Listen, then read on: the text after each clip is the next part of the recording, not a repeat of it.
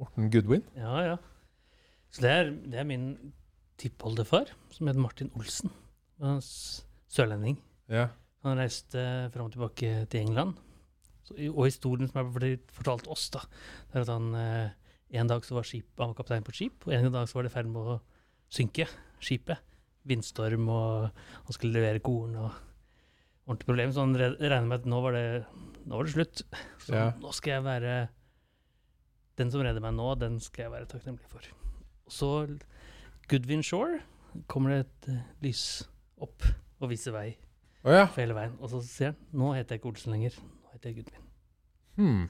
Det er i hvert fall det vi er blitt fortalt, da. ja. Den legendariske historien Det er grunn til Goodwin. om det. Goodwin-navnet. Det er der Goodwin-navnet kom fra. Hmm. Kult. Så det er, ja.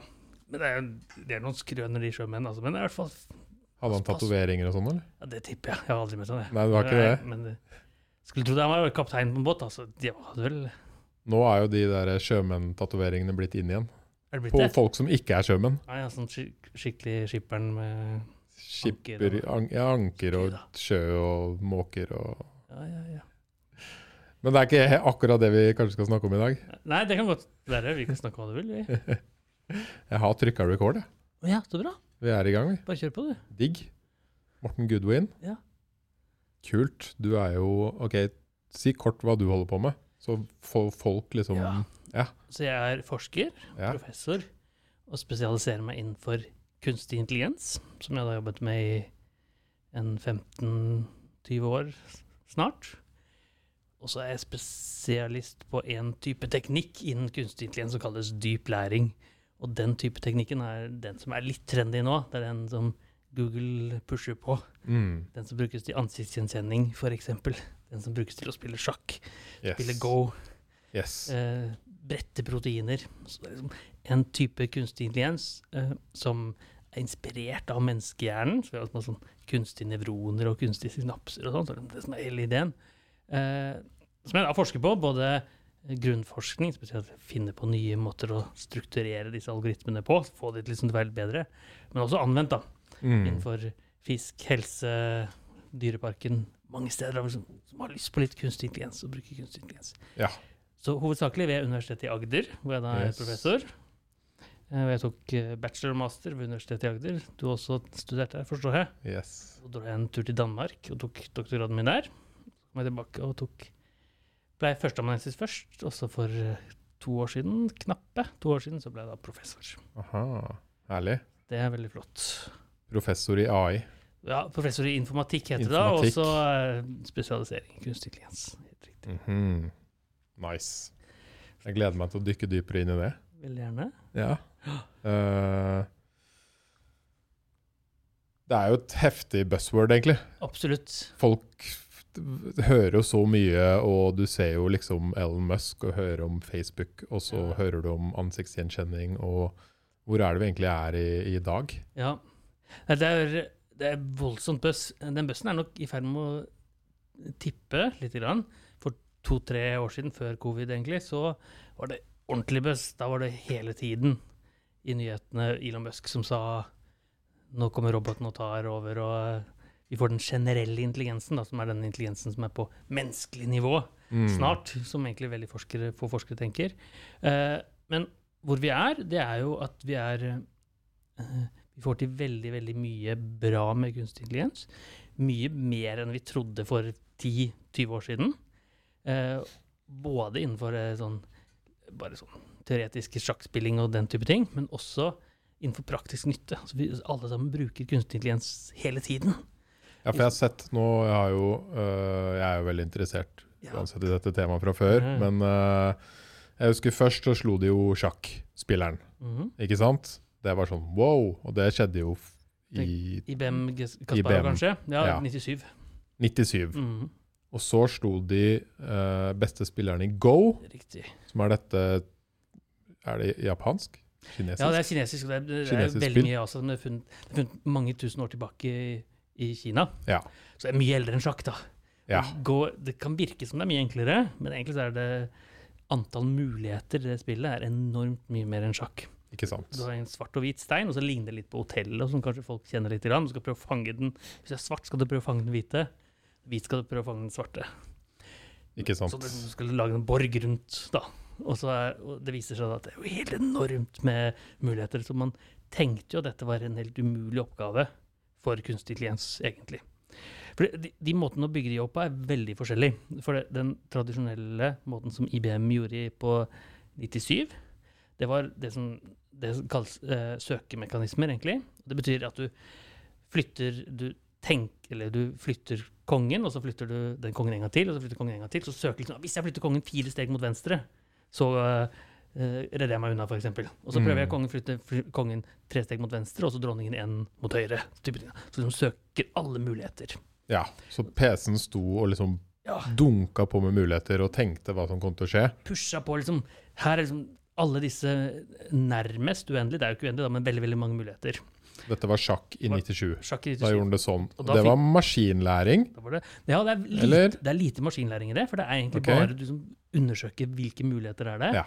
Og så klarer du å regne deg fram i dette søkerommet, altså hvor det er det søker etter, raskere enn Kasparov da på 90-tallet. Da, Så det han bare egentlig- testa masse sjakkmuligheter. da var egentlig datamaskinene kommet så kraftig. Ja.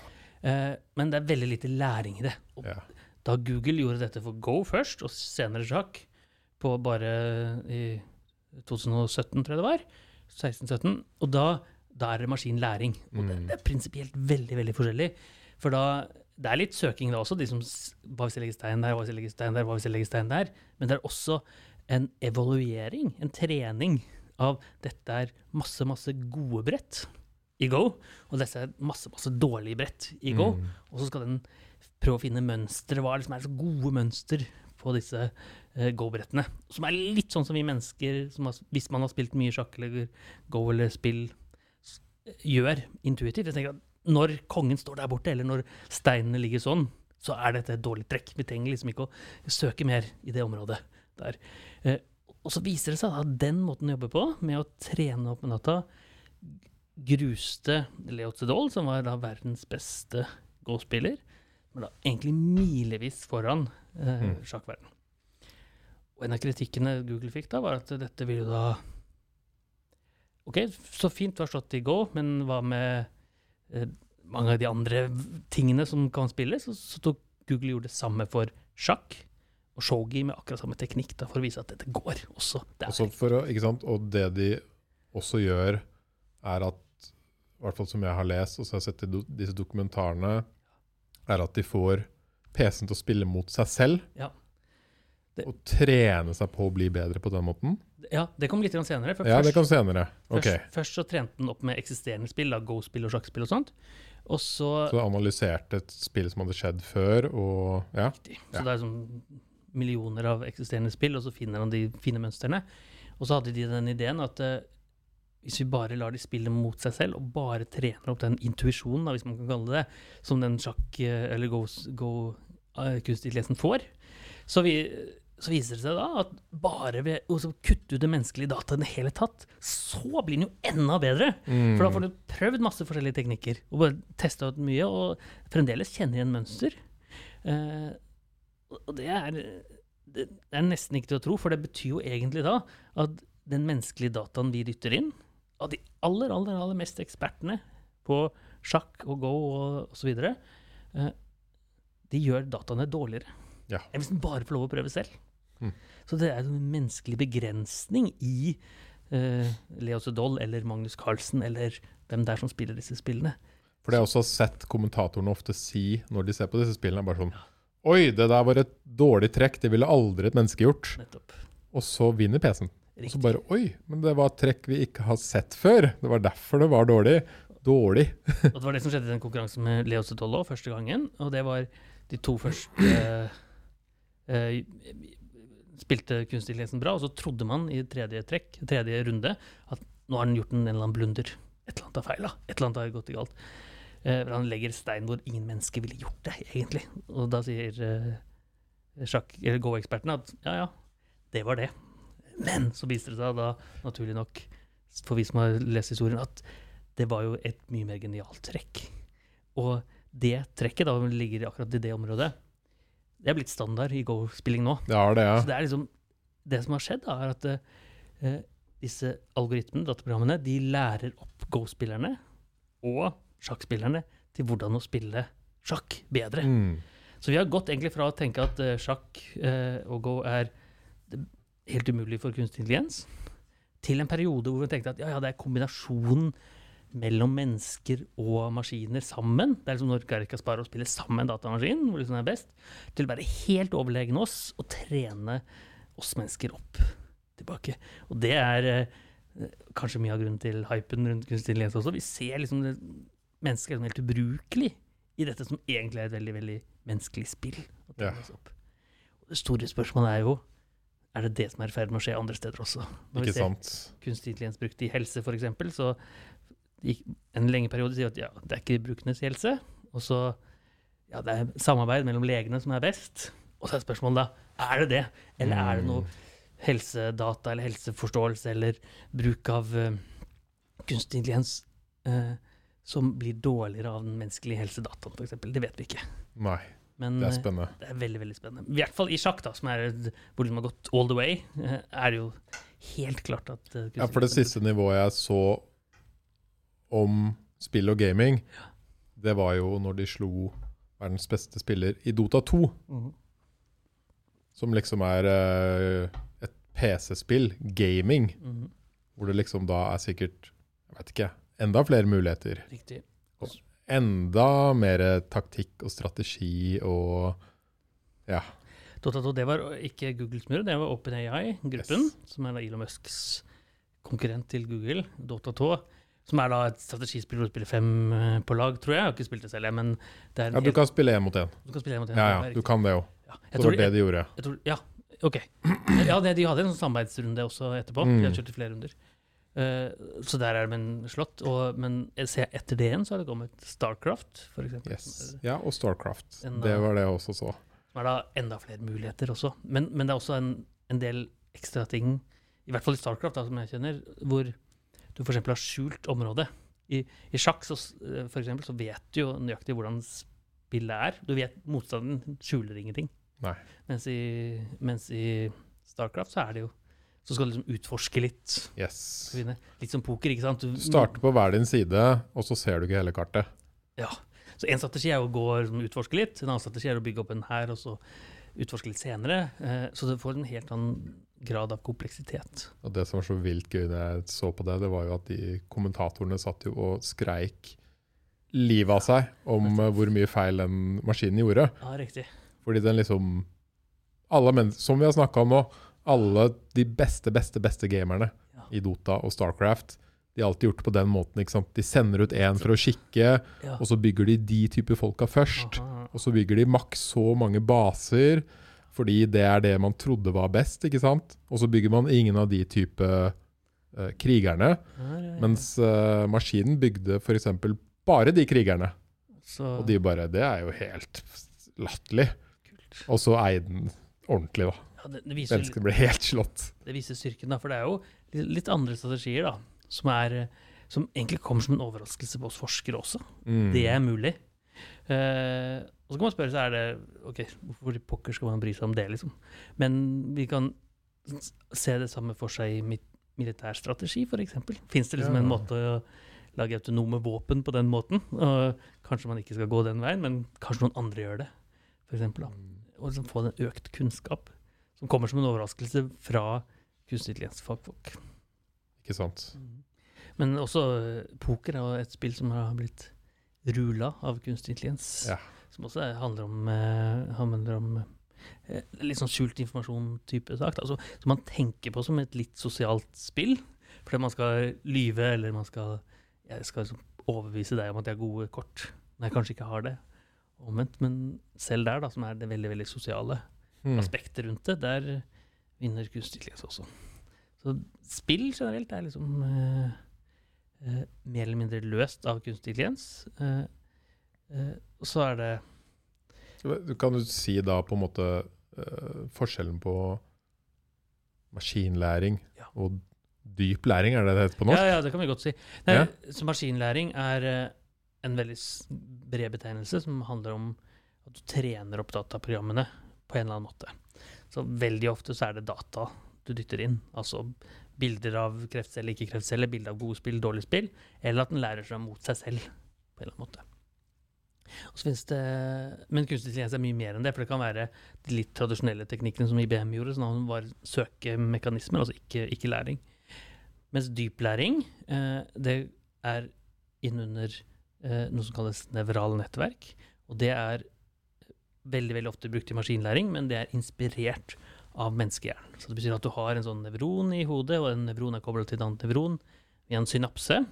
Og når jeg ser et eller annet med øynet mitt, f.eks., eller hører et eller annet, eller opplever et eller annet, så er det en rekke sensorer på baksiden av eh, øynet mitt som kobler seg til andre nevroner, som kobler seg til andre nevroner, og på en eller annen måte forteller hjernen min hva jeg ser. Og så jeg forstår det. Og det er inspirasjonen til nevrale nettverk. Eh, at er, du får et eller annet input, et bilde eller en tekst eller et spill eller hva som helst, og så skal dette koble seg til andre kunstige nevroner som skal skru seg avle på. Og så skal det koble seg til andre kunstige nevroner igjen som skal skru på. Så til slutt så skal du få en, eh, noe ut som eksempelvis er dette er en kreftcelle, eller dette er ikke kreftcelle. Eller dette Mm. er et godt trekk, dette er et dårlig trekk. Og dyp læring er da spesifikt når du har mange lag av eh, disse nevronene. Man tenkte, egentlig så tenkte man at det er ikke noe poeng med så mange nevroner masse etter hverandre. Hvis du har veldig veldig mange av de, da eh, er det veldig sånn intensivt å regne. Dette er sånn, trenger veldig sånn tung regnekapasitet for å få det til. Og da, eh, men så viser det at den måten å få til på, da funker bildebehandling, da funker sjakk, da funker alt disse teknikkene. Men det er sånn veldig, i hvert fall sånn overordnet sett, Mm. det som skjer i hjernen, men mer sånn det man tenkte skjedde i, i hjernen på 1950-tallet. Okay. Tanker, da. Ja. Men eh, så viser det seg at det funker jo i så vi inspireres av hjernen. Absolutt. Yes. Den ultimate maskinen. Den ultimate maskinen er det. Og det er jo en som het Frank Rosenblatt på 1950-tallet som hadde den ideen. Han tenkte pokker så kjedelig det er å sitte og programmere alle disse programmene. Det, du må være pinlig nøyaktig. Hvor dette er ikke framtiden, tenkte han da. Og da lagde han en type nevral nettverk eh, som skulle kjenne igjen bilder, firkanter og sirkler og sånt med den teknikken. Altså eh, noen nevroner skulle seg på, noen skulle seg av.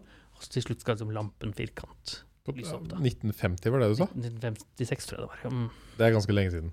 rå lenge siden. Akkurat samme teknikken som lever ennå. Forskjellen nå er at vi har fått mye mer datakraft, så vi kan ha sånn enorme nettverk. Altså milliarder av sånne nevroner istedenfor bare 20-30 som man har jobbet med.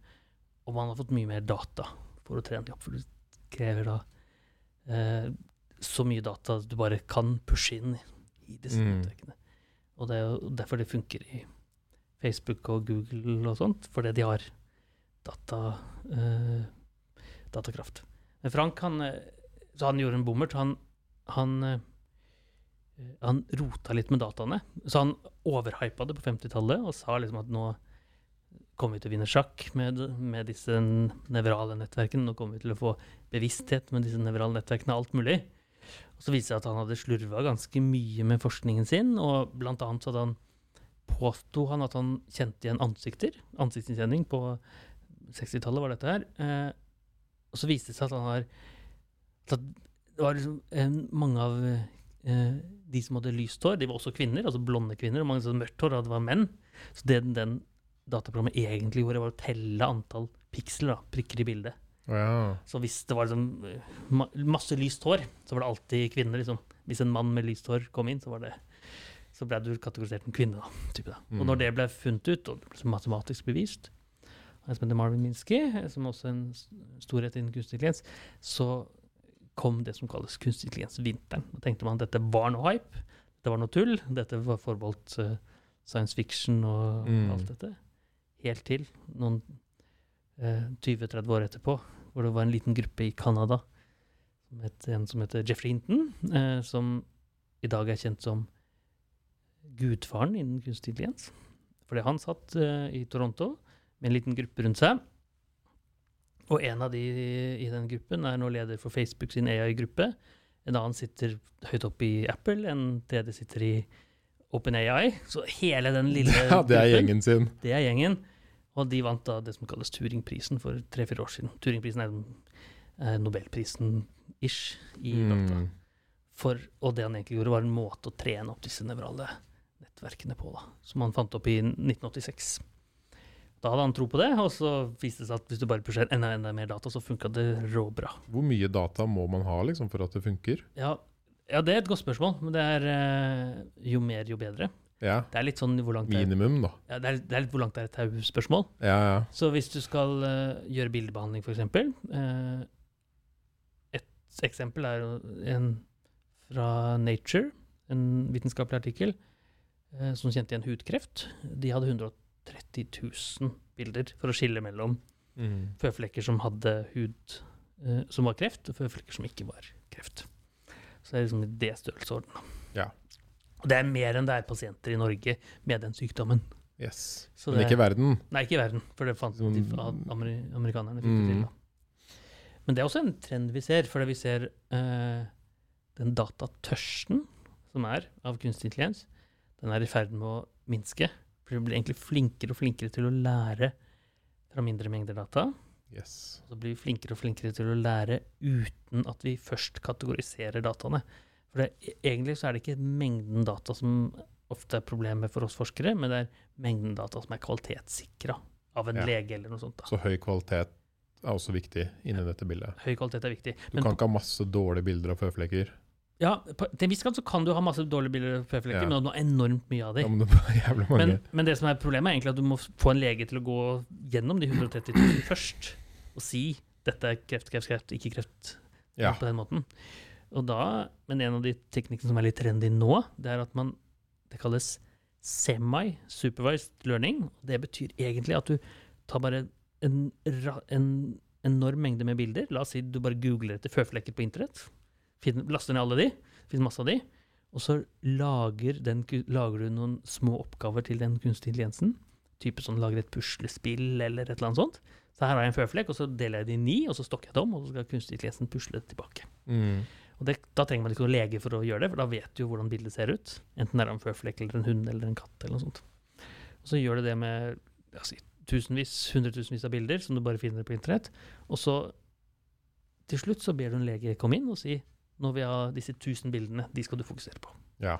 Og, og så viser det seg da at når du først gjør denne semi-superfast-metoden først, altså denne puslespill eller andre typer sånn Hva var det den puslespillmetoden hjalp Ja, for, for? det, for det den gjør da, det er, Ja. da lærer den kunstig intelligensen seg bare det, hvordan en typisk føflekk ser ut. Yes. At liksom, eh, den er rund som oftest, da, eller, eller spesiell type farge. Eller hvis man tenker noe annet, kanskje litt mer Så eh, mennesket lager et puslespill Ja, som maskinen må klare å ja og det, alt det kan du gjøre automatisk. Kanskje enklere hvis du Yes. tenker en bil, da, for det, eh, bil har liksom hjulene alltid nederst.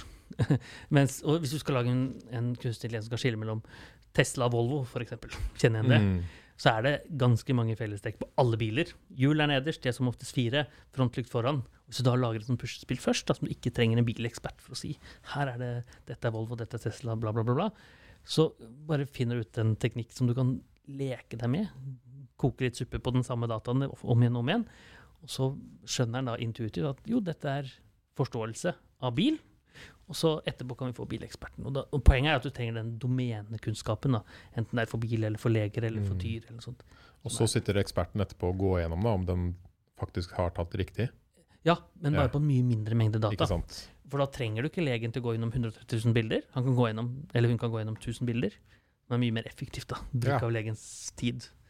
For det er, og, og det er en, en av de teknikkene som er, gjør at den datatørsten som kunstig intelligens egentlig har, da Hvis vi Mm. klarer å få den til å spille, spille ball med seg selv, litt som sjakk, så slipper du ekspertkunnskapen, som er egentlig den veldig begrensede ressursen. Mm. Ofte. Spennende. Veldig spennende. Men vi har fortsatt ikke klart å få selvkjørende biler ordentlig. Ja, ja, det er jo riktig. Ja. Ja. Hva, hva er det som Er det for lite data der, eller hva? Det er nok en, en del av uh, grunnen, tenker jeg. Uh, Elon Musk var, det er ikke så er, Han har jo sagt mange år nå at ja, ja. ja, ja. Så- Så Elon Musk er jo en sånn person som lover veldig mye, og så får han til la oss si 20 av det, men selv de 20 er veldig mye. Eh, Absolutt. og så eh, Nei, det det er mange grunner til eh, selvkjørende biler ikke har kommet på plass, tenker jeg. og, og det er jo fordi det er Det er vanskelig å kjøre. Ja. Det, er som, uh, det, er så mye som vi tenker på som veldig som er intuitivt for oss. Ikke sant? Det kommer en person ut i veien, da skal man stoppe. Og, og det er Mens en kunstig intelligens må lære seg alt dette her, da. Ja. Uh, og så er det forskjellige grader av selvkjørende biler. Uh, å få sånn helt fullt autonomt selvkjørende i alle, alle mulige veier man kan kjøre på, det er nok langt fram i tid. For Mm. det, det er, så, en, det, er så, så, det er så mye ting som kan skje. Det kan være glatt, det kan være snø, det kan være eh, alt mulig rart. Mens det å få et litt sånn kontrollert miljø, da, f.eks. sentralt i Oslo, eller noe sånt, der er er realistisk innen noen år, i hvert fall. ja.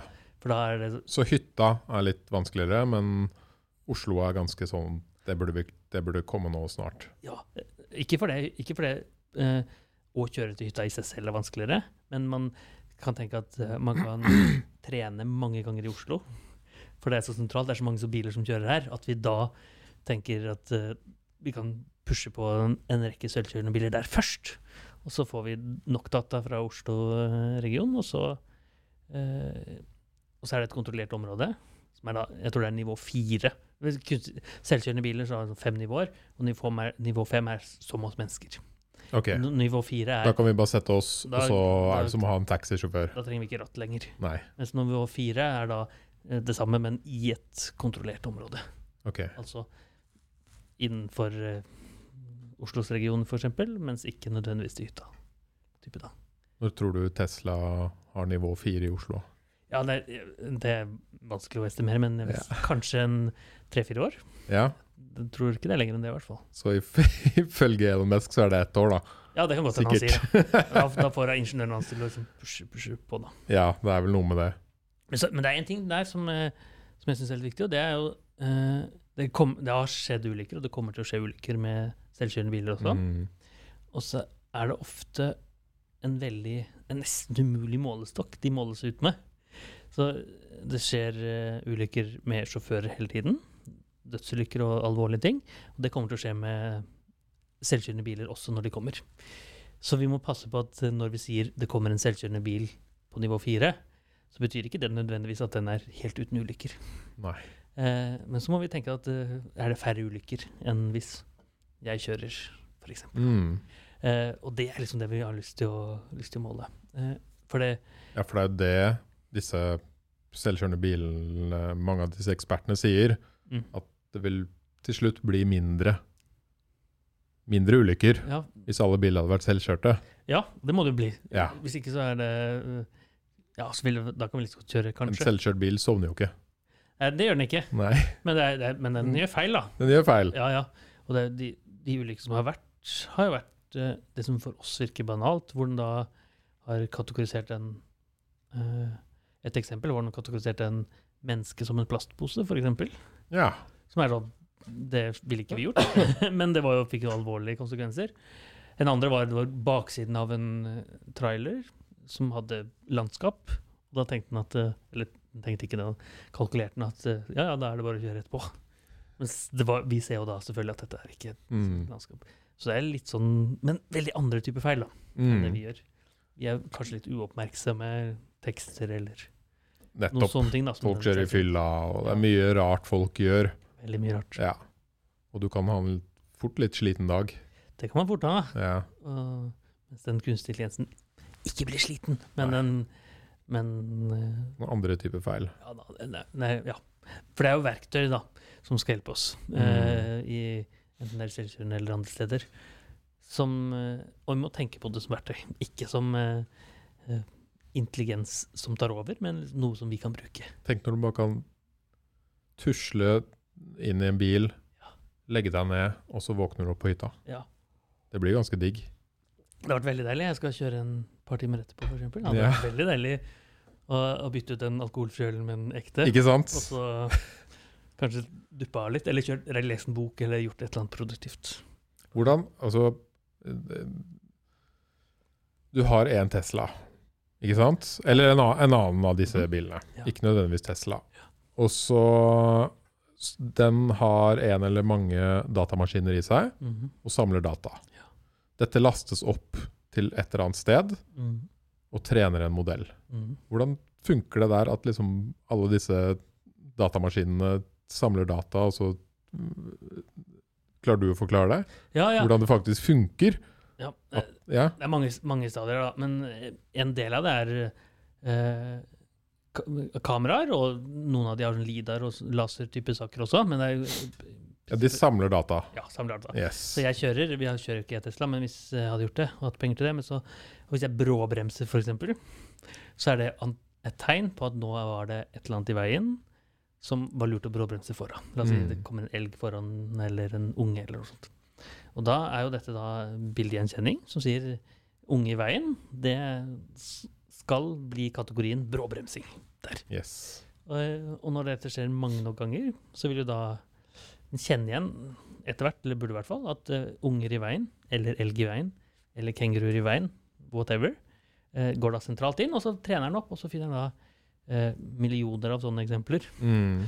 Og til slutt, så vil da, når Teslaen oppgraderer seg, så pusher den nye varianter av disse dype læringsmekanismene. For det er det Ja, for det jeg egentlig ikke helt klarer å forstå i dette bildet, her, er hvordan ikke sant? du har din uh, bil Ja. som får inn data, Ja. og så uh, læreren, som du sier, av, den, av unger og kuer kuer og alt mulig, og humper i veien og sånn. Mm. Og så har den masse Her er masse feil, og her er masse humper og forskjellig. Jeg laster det opp et sted, Ja. bilen min. Ja. Og så, men det er jo enormt mye data, Ja, ja. som til slutt igjen skal bli veldig enkel data, som bilen din skal kunne ja, lære av. Det er den jeg syns er vanskelig å forstå. Ja, så læringen skjer ikke på bilen. Så Nei. det som sendes opp, er jo da bilder eller videosekvenser. Mhm. Og så er det kategori bråbrems, ikke bråbrems. Og så bildesekvens. Og så trener den opp et, et sånt uh, kunstig intelligens, dypt nevralt nettverk, på et eller annet sted i USA. Et eller annet. Elon Musk uh, Og der er det senter. sånn supermaskiner som står og kverner data. står det kverner. Og så, og, så, så, og så er det bilder, og så pushes det ut igjen etterpå, da. Men det som skjer på disse maskinene, er det som er spennende, for det er det som er treningen. Det er det jeg lurer på. Ja, ikke ja. sant? Hva, hvordan kverner den all den data, og Ja. til slutt klarer å lære opp min ene bil Ja, ja. til å forstå det alt det andre har lært. Ja, la oss ta det i to steg, for det, det, Ja. det, det, det pushes til Det er den samme prosessen som pushes til alle bilene. Yes. Så betyr at din bil og min bil får samme software, pushes ut av på samme måte som det skjer i Absolutt. telefonen. Akkurat samme. Eh, også det eh, Selve læringsmekanismen er jo akkurat samme som skjer når du f.eks. trener opp eh, iPhonen din til å gjøre ansiktsgjenkjenning. Første gang du laster den ned, så må du se litt mot venstre, må du se litt, mot høyre, så opp og ned. Og så sendes de dataene til et eller annet Apple-server, og så eh, kjenner den igjen deg, Henrik, som en sånn eh, person, og så pushes det tilbake igjen. Da. Mm. Og det, det som egentlig skjer, er jo at du har eh, Inputet til dette nettverket er en rekke bilder, piksler, og hver av disse pikslene er koblet til et kunstig nevron, sånn som på baksiden av øyet. Eh, og, så, og så forventes det å komme eh, kategori barn eller bråbrems ut, da. Eh, Stopp eller ball eller noe sånt. da. La oss si bare Nå skal jeg si ned en ball, da. Og så eh, Så i begynnelsen så er alle disse synapsene Så nå blir det litt heftig, men vi skal se om vi klarer å få med oss alle sammen der. Yes. Eh, alle disse er bare tilfeldig. Det betyr at, at eh, eh, det er bare tullball som kommer ut. da. Det betyr at uh, tusenvis av piksler, bilder går inn, og så uh, kanskje blir den kategorisert som ball, kanskje blir den kategorisert som katt, kanskje blir den kategorisert som hest, kanskje blir den kategorisert som ape. Vet ikke. Og så får den poeng, eh, avhengig av om den klarer det riktig eller feil, men også hvor feil den gjør det. Hvis, den sier at jeg er liksom 2% sikker på at det er ball, mens 98% sikker på at det er eh, eh, sola, og så er riktig svar ball. Mm. Da får den eh, bare to poeng, plusspoeng, og så får den 98 minuspoeng. Da. Og så er det da noe matematikk der inne, som er dette han Hinton fant opp på 80-tallet, da, eh, som får den til å si at hvis du hadde fått, dette hvis du hadde fått akkurat samme bilde en gang til, så må du justere alle disse synapsene, altså skru de av og på på en annen måte, Mm. sånn at du får ball neste gang. Eh, og da er det sånn, tenker jeg at det, det nevronet blir skrudd på av, det nevronet blir skrudd på, på en eller annen måte, sånn at da burde du fått ball. Da får du liksom 98 minuspoeng, da. Og så Eh, Fy, fy. Fy, fy. Kjempefy. Uh, litt, som, litt som hunden din, ikke sant? Eh, Slem hund, fordi han tisser Mm. inne. Og det er liksom sånn til kunstig intelligens. da. Slem, eh, slem kunstig Slem maskin. Ja, Fy. nå må du justere disse synapseprosessene, som er liksom Tenk på som brytere som skrus av og på, på en annen måte. Sånn at hvis du hadde fått akkurat det samme, så burde det vært ball som kom ut av. Eh, og så får du et nytt bilde av en annen ball. Og så kanskje du da har, sier at nå er jeg 13 sikker på at det er ball. Og da har du liksom de 90, eh, 87 prosentene som er igjen, da, som minuspoeng. Og så kanskje neste gang får du 50% ball, og så Mm. 70% ball, og så 80% ball, og så 90 ball. Så trener du det. Så trenger du millioner av sånne eksempler, egentlig. Kanskje, eller 100 000 millioner av sånne eksempler. Og så til slutt så viser det seg at den blir klarer å sånn skjønne hva som er de mønstrene i, i en ball. Og i et sånt nevralt nettverk så er det masse sånne grader. Så førstedelene vil kjenne igjen sånne enkle mønstre. Så først lærer en sånn Altså, en ball har sirkelform, f.eks. Ja. Og så kanskje kombinasjon av to sirkler, for da har du liksom en hel sirkel. Og eh, ball er typisk eh, ikke så stor, den er litt mindre, for den er litt langt borte. Og hvis du tenker på litt mer avanserte mønstre, som et, eh, et barn, så vil du da ha hodet er en sirkel, armen er to streker, og etter hvert. Altså i disse dype, dype nevrale nettverkene så kan du se I begynnelsen kan du liksom se de sånn enkle mønstrene, alle sirkler og streker osv. Så videre, så kan du følge de litt nedover. Så kan du se at jo, her kjenner du en øye, her kjenner du nese, her kjenner du det. Så hvis, liksom, hvis uh, du har eh, en, uh, et, en strek over og en strek under og et ball rund sirkel i midten, så er det antakeligvis et øye. For da har du en, en del av nettverket som kjenner en sirkel, en del av nettverket som kjenner en strek over, en som kjenner en strek under. Og kombinasjonen av dette er jo da øye, for eksempel. da. Så det er liksom alle disse nevronene, akkurat som skjer i hjernen, bare på en litt annen måte, er liksom tanken. da. Noen nevroner kjenner igjen streker, noen kjenner igjen ikke-streker. Er I hvert fall det som er tanken. Og så til slutt så blir det menneske eller ball eller kenguru eller et eller annet. Det er som et bitte lite Bitte lite, veldig dumt barn som må liksom lære av ufattelig mye data, da, hva ting er. Det er akkurat sånn er det. Eller i hvert fall sånn vi tenkte hjernen til et bitte lite barn var på Ja. 1950-tallet. Yes. Så viser det seg at det er mye annet som skjer oppi der, og som ikke vi har Yes. fått inn i datamaskinene, men det er ideen, da. Mm. Og En, en, du kan tenke på det som brytere som skrus av og på. På, av, på, av, på, av, på. Jo, hvis den pikselen er på, og den pikselen er på, og den pikselen er av, den er rødfarge, rødfarge, grønnfarge, gulfarge, rødfarge, rødfarge, jo, da skal det bli ball ute. Sånn som øyet vårt gjør, da. Mm. Og i Tesla-verden så er det da brems, ikke brems. Rødt lys betyr stopp, grønt lys betyr uh, kjør. For det hvis vi kjører Tesla og ser et rødt lys, så bremser vi. Så går det tilbake. Jo, da skal du lære det som brems. Mm. Det er tanken. Det er veldig veldig lite som er programmert inn, men veldig veldig mye som er da lært fra hvordan vi kjører. Vi setter sant, på disse sy sinnssyke datasentrene hvor all den dataen kommer. Ja. Så har vi lagd algoritmer og regler og læringssett til maskinen, men skjønner vi egentlig alt den supermaskinen gjør? Vi skjønner i hvert fall veldig veldig mye av det. Ja. Det er litt sånn myte at vi ikke skjønner hva som skjer. Vi, det, det er veldig veldig masse som skjer samtidig. Så det sånn, når det er um, millioner av disse uh, synapsene slått sammen, så, så mister vi kontroll. Så det, det går ikke an å ja, for det er det jeg mener. Ja. Når det er så mye som kommer inn, Ja. Mister vi kontroll, Ja, som det- du sier. Ja, og da, eh, og da er det, går an eh, det, er, det går an, men det er litt tricky å spørre hvorfor er dette en ball, liksom. Ja. Mens jeg kan si jo, det er en ball fordi den er rund. Men så kan vi se, en, vi kan se litt sånn, kjenne igjen noen mønster, og vi kan uh, kjenne igjen ting. Men og, og den kontrollmistingen, da, det er et gigantisk problem i kunstig intelligens-verden. Mm. For det eh, I noen tilfeller så vil vi ha superkontroll. Ja. I legeverdenen eller i ansettelsesverden eller i låneverden. Så vil vi være helt sikre på da. Hvorfor er det jeg ikke får lån? Er det ikke det her Facebook eller noe Meta Ja, ja. sliter med egentlig? At de ikke egentlig har helt kontroll? Ja, ja, masse eksempler på både Facebook og Google har Ja, mista kontroll. Mest no, i, ja det mest kjente eksempelet er, er Google, som da gjør ans det er bildegjenkjenning. Google bildesøk, de fleste kjenner til det. Hvor du da kjente igjen eh, gorilla ble liksom afroamerikaner afro, Afroamerikanere ble kategorisert som gorilla en periode. Ja. Stort mer rasistisk enn det går det liksom ikke an å være. Men det er liksom Man skjønte ikke helt hvorfor. eh, og man kunne jo i teorien liksom sjekke, men de klarte ikke helt å få det til, egentlig. Og en god periode i denne Picassa, som er Google sin sånn eh, Eller var Google sin sånn måte å kategorisere bilder på, sånn bildealbumprogram, så var det ikke mulig å ha gorilla, sjimpanse, de type kategorien, da, som hvis du sier dette Hvis du kaller en afroamerikaner det, så er du liksom i skikkelig rasistverden. Mm. Eh, og mens Google gjorde det, da, eller algoritmen til Google gjorde det. Så de, de skjønte rett og slett ikke hvordan skal vi fikse det. Jeg har ikke peil. så det vi de gjør da, bare fjerne det som kategori. Ja. De gikk ikke an å søke etter gorilla en periode. Mm. Fordi de var redd for at du fikk opp uh, afroamerikanere i bildesøket. Eh, og, og en av grunnene til det er at eh, veldig mye av de data Man har ikke tenkt så mye på hva slags data man dytter inn, man bare dytter inn alt mulig man finner.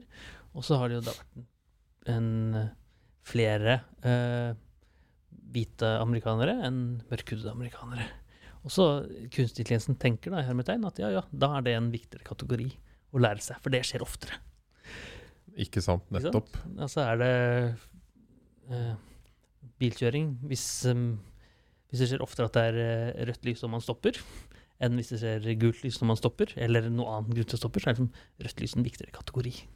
Ja. Men det er liksom å tenke Men det er ikke nødvendigvis det samme som mennesker, da. For det er ikke viktigere å gruppere en mennes menneskegruppe enn en annen, men mengden data tilsier det, da. Mm. Det samme eksempelet er eh, Det var Amazon, tror jeg, som med, jobbet med ansettelser. Ideen var, Det er et veldig kjent eksempel, så det kan godt hende flere har hørt om det. men så det de gjorde da, var jo øh, hjelpe til med søkeprosessen. Da var det ikke bildebehandling, men CV-er. Dytta inn alt mulig av CV-er inn. Og så tenkte jeg ja, nå kan vi bare fjerne HR-avdelingen, for vi kan pushe på litt kunstig intelligens og få ting til. Eh, og så viser det seg da at eh, kvinner blir jo fjerna fra gruppen automatisk. Så har du huka på kjønn kvinne, så er det liksom ute av prosessen. Over og ut. Over ut. Eh, og så hvorfor det, da? jo, en av grunnene er at fleste som har blitt ansatt hos Amazon, i Amazons utviklergruppe, har vært menn. Tech-nerder er typisk menn, da. ikke alle, men veldig ofte.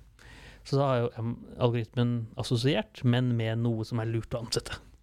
Eh, for den, mens vi vet jo da at det er, det er ikke lov å gjøre, gjøre den måten å kategorisere, men, men vi har lov å si du må ha mastergrad for å jobbe hos meg. Jeg har ikke lov å si at du må være mann. Men for datamaskinen så er jo det Alle sammen er bare kategorier. Så Mm. det er ikke noe forskjell på de to tingene for en datamaskin. Med mindre man forteller det til datamaskinen. Mindre man forteller det. Og i mitt hode da, det du sier at man Det er vanskelig å vite alt man skal fortelle datamaskinen. Akkurat det. Yes. Og da er det, for det Amazon forsøkte å gjøre, var å fjerne kvinne som mann som, eller kjønn som kategori. Det er ikke noe poeng å spørre om det, ikke sant? for det, vi har ikke det som noe relevans her. Men det den gjorde, da, var å finne andre snarveier, og det ser vi ofte med. Han fant sånne ting som uh, Har du spilt lacrosse, som er noen oh, ja. sånn kvinneting å spille, da? Eller har du spilt uh, på den kvinnelige sjakkgruppen, da? Innforstått ikke den mannlige sjakkgruppen. Så finner du. Så de, de, uansett hva de gjorde, så fant den kunstig intelligens en eller annen snarvei til å skjønne hva slags kjønn du hadde. Mm. Det ble viktig. Og så til slutt så skrapa de hele greiene, fordi den liksom fant de der snarveiene. Så etter.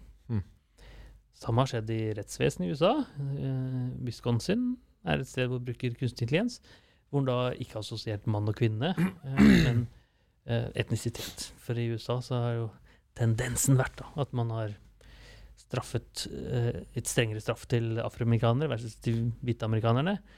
Noen eh, billig dop er mye strengere dømt enn dyrere dop, også som det er ofte assosiert med økonomi.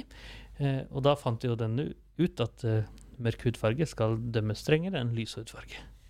Uh, og det er jo akkurat det samme. Dataene inn er liksom i den kategorien.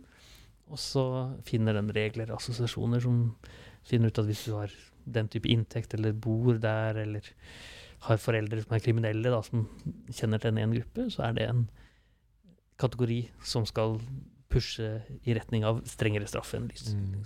Så det er en sånn type kontroll man fort kan miste med kunstig intelligens. da. Og så har jeg hørt også på podcaster uh, at selv om kanskje ikke utviklere tenker over det, så vil man også til en viss grad programmere inn sin politiske side. Ja, ja. Ikke Mhm. sant? Sakte, men sikkert over tid. Så kan man gjøre det. Helt sikkert. Mm.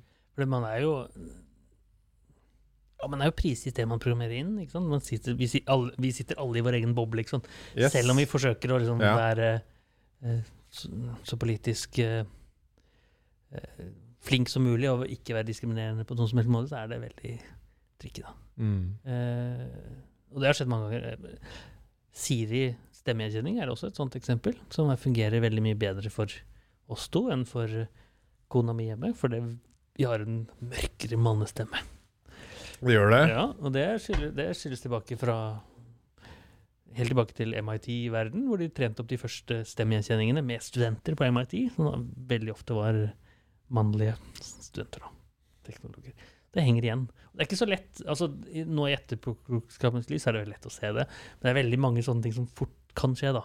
At, hvis man ikke tenker seg nøye om. Ja, som man liksom man release the beast med deep learning og bare putter inn sinnssyke mengder data, så Ja. som vi sa, det er vanskelig å tenke på alle de faktorene man Eller de reglene man egentlig burde sette.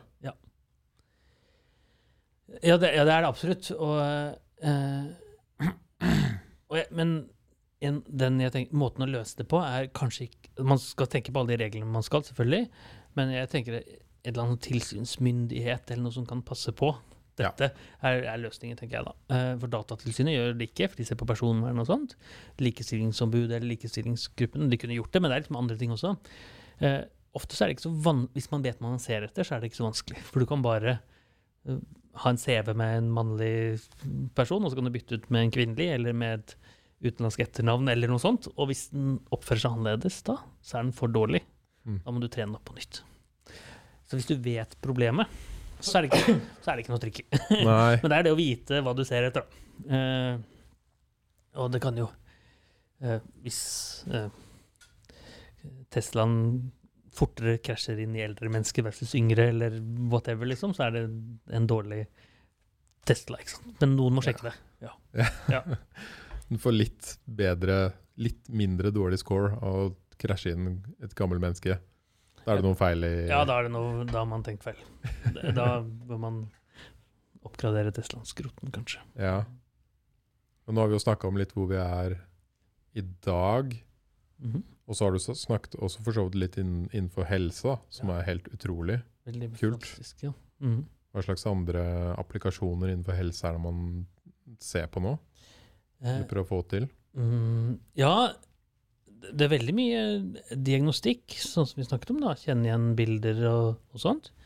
Eh, jeg tror, Men der den er dårlig da, og der jeg tror det kommer mye, det er det som kalles multimorbid sykdom. Det betyr egentlig at man har veldig mange forskjellige sykdommer samtidig, som veldig ofte skjer da når man blir litt eldre. Eller, eller dement, hvor man da får typisk mange sykdommer samtidig. Og at man får litt mer sånn persontilpasset bruk av medisin. Det tror jeg i hvert fall er, er fremtiden der. For det, kunstig intelligens er veldig, veldig god til å persontilpasse. Så det er det vi ser på sosiale medier og på YouTube og alt sånt. De som klarer å treffe akkurat meg. Men i medisinen så er det jo ikke det. For det er, det er én covid-vaksine for alle, ikke sant. Én uh, Paracet for alle, stort Så sett. hvis vi bruker styrken til det de Det de gjør for å holde oss så mye på sosiale medier, Ja, ja. hvis vi bruker den styrken innenfor medisin, Det hadde vært det hadde vært awesome. Det hadde vært helt enig. Ja. Og, uh, ja, for, ja, for det er rett og slett Vi er individer, ikke sant? Og vi oppfører oss forskjellig når vi får medisin. Noen ganger så funker det, noen ganger funker det ikke. Og det er liksom persontilpasset.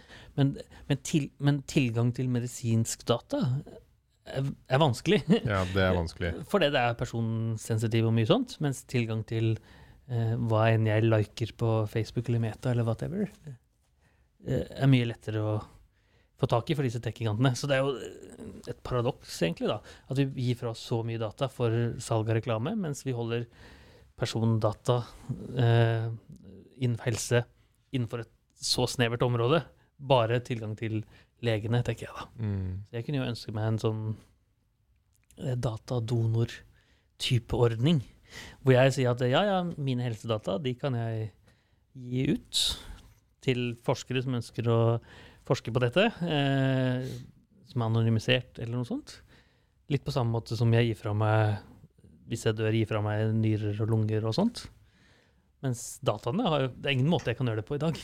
Nei. For det er bare i min uh, medisinjournal Mm. som legene har tilgang til. Og uh, det er ikke sånn at det skal legges ut på internett, eller sånt, men en litt lettere tilgjengelig helsedata. Ja, fordi vi må jo ha dataen der er òg.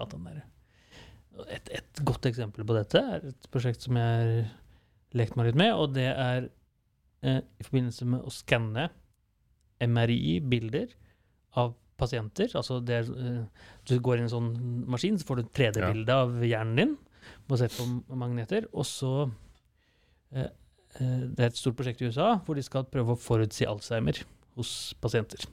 Så de har tatt masse folk fra 50, 60, 70, 80 år osv. Og, så videre, og noen av de har utviklet Alzheimer, og noen av de ikke utviklet Alzheimer. Og så har de sagt at disse dataene de er så viktige, de skal vi ha åpne ut til alle. Det ligger på internett, du må bare skrive en liten søknad, og så får du lasta ned disse bildene. Anonymisert. Anonymisert, Ja, ja. ja. Men det er litt ekstra informasjon. Da. Det forteller litt om hvor ofte du drikker alkohol, om du har røyket, om du har familier med Alzheimer og litt sånne ting. Eh, eh, og så om du- og så er det da MRI-bildene, og noen av de har fått plakk i hjernen, som er da grunnen til Alzheimer, og noen har ikke det. Og så er det da mange forskere, inkludert noen som jobber med meg, som har det som ambisjon å være de første som klarer å predikere Alzheimer, basert på, så tidlig som mulig basert på dette. Eh, og eneste måten at vi egentlig kan jobbe med det, er de tilgang til disse dataene der ute. Eh, så jeg håper da at helseverden har den type holdning fremover, da. Her er det masse En kjempevanskelig sykdom, vi har ikke peil hvordan vi gjør det, men anonymisert så godt vi klarer, få disse ut, sånn at folk kan konkurranser eller leke seg med de. Mm. Og i teorien da, hvis man Det er kjipt å få den meldingen når du er 30. Ja, ja, Hvis du ikke kan gjøre noe med det. det er sant. Ofte Ja. så, det er noen ting man kan gjøre. da, Ja, det er nettopp det. Så så- det er jo next step. Man må jo i så fall få noen gode tips om hva man kan gjøre med det. Absolutt. Men eh, det får noen andre bry seg om, tenker jeg. Ja. Vår ambisjon er liksom å bare kjenne igjen, da. Eh, Men jeg er helt enig. Eh, Det er jo etisk spørsmål. Vil du vite om du blir syk om Mm. fem år, ti år eller 30 år, da? Eh, Og jeg tenker jo at eh, jo mer informasjon man kan ha, generelt grunnlag, jo, jo bedre. For da kan jeg kanskje gjøre det litt. Ha det litt eh, Kanskje kan sette i gang noen tiltak, trene litt annerledes, gjøre et eller annet. ja. Uh, ja, for det måten man egentlig oppdager Alzheimer på i dag, er jo enten at man tar en studie av eh, eh, At man tar prøver fra hjernen som er farlig, eller at man gjør en eller annen test. Tegner klokka eller et eller annet sånt. Forskjellige typer der. Og, og begge deler er veldig usikkert. Enten er veldig, eh, kan være veldig skadelig for uh, pasienten, eller om jeg klarer å tegne klokka, eller om jeg har slag eller en eller annen sykdom som også kan få meg til å tegne klokka på en feil måte eh, er veldig usikkert, da. Og her kan kunstig intelligens være kjempebra. Så persontilpasset medisin er et sted hvor jeg tror kunstig intelligens kommer til å gjøre det helt enormt. Det kommer til å endre helseverden, tenker jeg. ja, det trengs så jævlig, fordi Uh, jeg er drittlei av disse øh, keto og slanke og muskel og Ja. Ingen veit hva som funker for én person, Ja, egentlig. Ja, riktig. Ja. Nei, det er øh, Og alle driver og sier hva som er riktig for Ikke sant, du skal bare spise brokkoli. ja, ja. Fordi det funka for en eller annen supermodell i USA. ja, riktig. Funker kanskje ikke like bra her i Norge for deg. Ja, det kan godt være. Og jeg har ikke peiling om brokkolidietten funker, men det er i hvert fall, det i hvert fall, det i hvert fall individuelt, da. Og det, Det det. kan liksom hjelpe til med det. Det er utrolig kult. Det blir jo uh, veldig spennende Ja, å følge med på framover. Og vi, ser, vi har det allerede, litt med smarte Ja. og sånt, ikke sant, som forteller nå er det Jeg har fått sånn øh, Ja. ny helsegreie som heter Whoop. Okay. Har du hørt om den? Nei, egentlig ikke. Den sa Ja. at jeg har fått covid. Han sa det, ja. Ja, Hadde du det, eller? det hadde jeg. OK. Hvordan visste han det? Den øh, måler øh, hjerterytme og lunge... et, et eller annet. ja. ja. Den har sånn fem målinger puls, selvfølgelig. Ja, ja. Alle sånne basic ting. ja. Og så våkna jeg opp, og jeg hadde den vise hver dag. Den er veldig fokusert på recovery. Ja. Og basert på det så sier den hvor hardt man kan trene neste ja, dag. Så den på en måte Den her fokuserer mest på hvor mye du har sovet, hjerterytme, eh, som du sa, lungekapasitet. Veldig mye forskjellig. Ja. Og så våkna jeg opp og var sliten. Sjekka jeg appen. Der sto det Jeg hadde 1% recovery den natta. Ok. Og så var det tre røde sånne trekanter. Okay. Og så kom det opp en boks som det sto 'You might have covid'. Okay, Ja. Go test your ass, holdt jeg på å si. Ja, ja, ja. Eh, og det gjorde jeg, og det hadde jeg. Okay. Og så, så googla jeg det etterpå, og den hadde visst uh, også funnet at et helt golflag i USA hadde covid. Før liksom de visste det selv. Ja, nettopp. Så det er litt kult. Ja, det viser jo styrken, da. Det, og poenget er at da får du, du får økt innsikt i din egen kropp ved hjelp av algoritmer og kanskje kunstig intelligens. Jeg vet ikke om det er kunstig intelligens i den, men det kan godt hende det er det. Det viser, for da er det jo Det gir deg en økt styrke, ikke sant? Absolutt. Og skjønner for mye Og sånn kan man jo potensielt uh, gjøre med mange sykdommer. Ulempen er jo at vi egentlig Siden de er feil, de har feil, de har både falske positiver og falske negative. Ikke sant? De kan si at du er syk når du ikke er det, omvendt. Så kan det være tricky, da. eh, For å si det sånn, å få 1% recovery, Ja, altså da har du vært på flatfylla okay. og tatt heroin hele natta.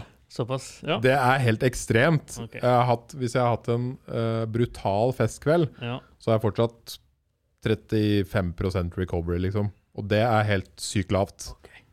Det er også sykt lavt. Så når jeg så 1 og samboeren min er lege, Ja, hun bare wow, hva faen? Ja. Og jeg la jo meg den natta og hørte hjertet liksom dunke. Og så trodde jeg liksom Jeg sovet helt greit. Ja. Det hadde jeg ikke. Så spennende. Ja, Det er spennende. absolutt. Og det, ja, det er som jeg sa, det virker styrken, da. Men det er jo det er en annen side av det også. Jeg, jeg er veldig for det du sier. Men det, vi hører om folk som går til legevakta og forteller at nå sier klokka at de har hjerteproblemer.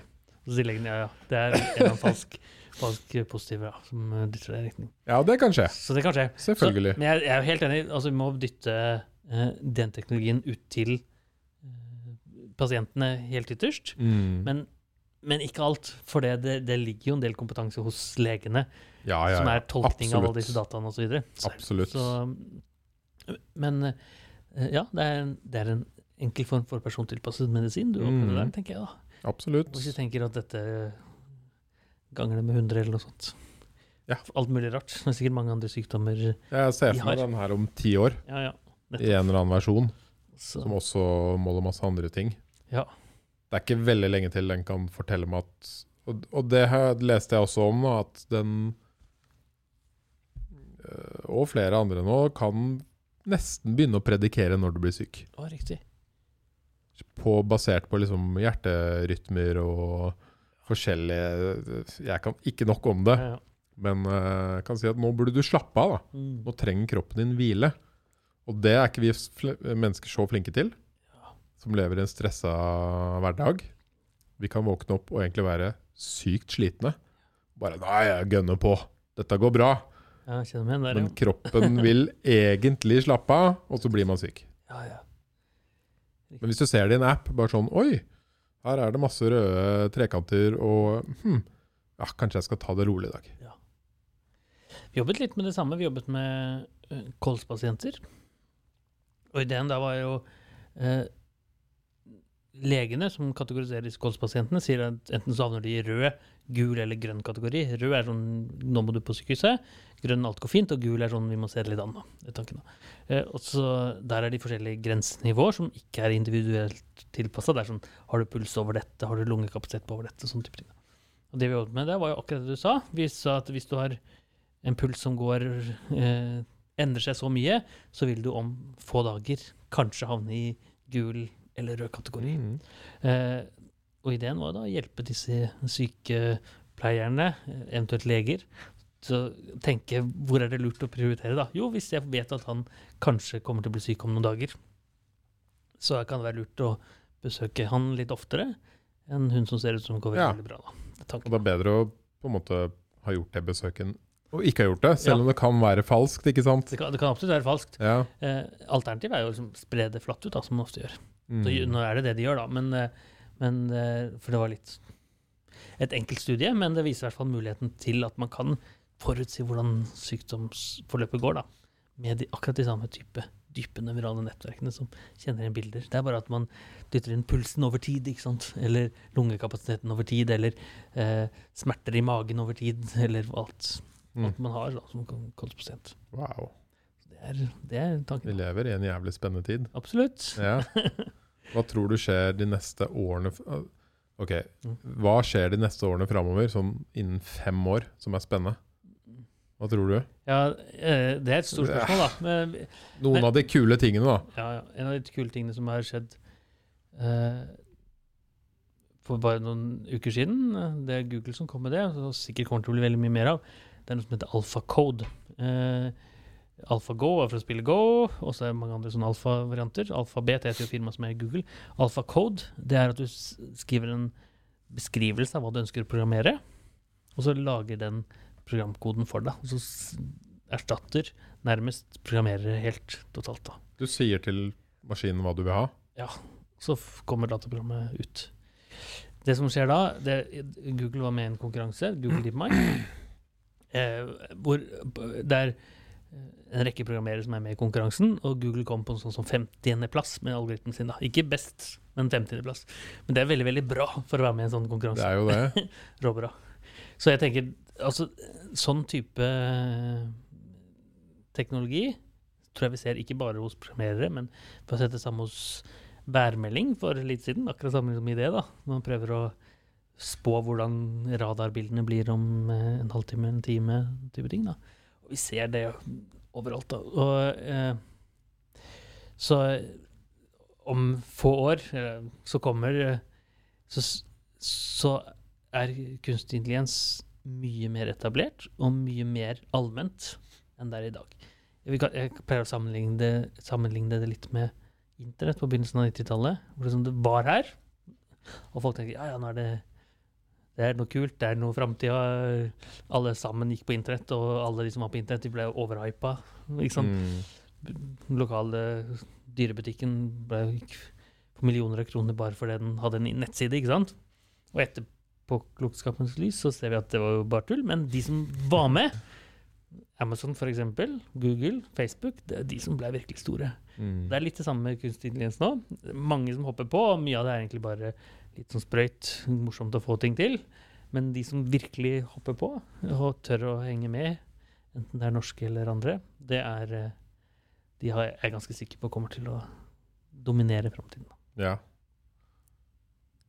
Hvorfor, ikke sant, Måten vi snakket om i stad, at eh, en maskin lærer på i forhold til å mate mye data.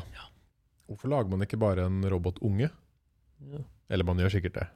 Men hva er utfordringen med å bare egentlig lage en robotunge akkurat som en unge? ja, ja. Og så få den til å Leve med oss, eller lære av oss, eller Ja. sånn som en unge lærer å leve med oss. Hva er liksom, Når har vi kommet dit at det, vi kan begynne å gjøre det? Eh, ja, det var et godt spørsmål. Jeg tenker eh, Så prinsipielt så er det ikke noen grunn for at man ikke kan gjøre det allerede nå, men det er Det er antageligvis ganske mye den ungen må lære for å liksom bli på et menneskelig nivå. da. Og en av de begrensningene vi ser på kunstig intelligens, er at de blir veldig, veldig gode til akkurat den tingen du har sagt den skal optimalisere mot. da. Spille sjakk eller kjenne igjen bilder eller noe sånt. Kjenne igjen uh, katter, hunder eller whatever. Men den litt generelle kunnskapen da, som egentlig vi mennesker har, de er den egentlig eh, kjempedårlige på. Så det betyr, selv om sjakkspilleren er bedre eh, Sjakkomputeren er bedre enn Magnus Carlsen, så er det mye Magnus Carlsen kan da, som sjakkcomputerne ikke kan. Ja. Og det er liksom det i en sånn unge. Så er det, det Man kan jo si at det, det man skal opp, optimalisere mot, er overlevelse eller noe sånt. ikke sant? Men det er ganske mange trial and error som skal til, da. Som, eh, som, eh, som må være der. Eh, og en del av det ligger jo hardwira i, hos oss, ikke sant? som vi har lært opp gjennom evolusjonen. Hvordan vi skal oppføre oss, hvordan vi skal kjenne inn ansikter, eller hvordan vi skal ha empati, eller noe sånt. Og mye av det er jo lært kulturelt. Mm. Og kunstig intelligens har jo egentlig bare den siste evnen. Uh, interaksjon med oss hele tiden. Det ligger jo ikke uh, språk da, som ligger på en eller annen måte uh, inni som en default del av hjernen. Hos oss det går ikke an å ikke lære en unge språk, ikke sant? Mens en kunstig intelligens må lære seg masse, masse, masse, masse, masse for å få, få god språkforståelse. Så eh, en av grunnene til at vi ikke kan lage kunstig menneske, som du sier der, er jo at du må lære mye mer. Eh, og en annen grunn er at, eh, at det er en del ting som er med oss mennesker som ikke har med intelligens å gjøre, som allikevel er viktig. Og en av de er jo bevissthet. En forståelse og evne til å forstå seg selv, som dukker opp i sånn to-tre-årsalderen og blir, øker gradvis, som vi ikke ser noe tegn til. Og vi har ikke noe anelse engang hvordan vi skal dytte det inn i datamaskiner. Eh, Siri på iPhone eller Alexa hjemme, liksom. De har ikke noen forståelse av seg selv. De, for, de forstår ikke at de er Alexa. Mens uh, barna mine hjemme forstår det selvfølgelig. Eh, De har et jeg. de har et jeg, Uh, og den forståelsen er ikke sikkert vi kan trene på samme måte som vi trener bildegjenkjenningsmetodikk eller sånt. Eller kanskje kan vi det, eller, uh, men vi vet ikke hvordan dette er.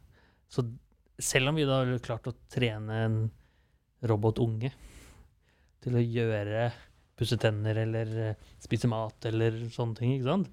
så vil det være som en zombie du kan skru power av når du er lei. ikke sant? Mm. og ikke få dårlig samvittighet for det, for de har ikke noe. Det er bare eh, inn ut, liksom.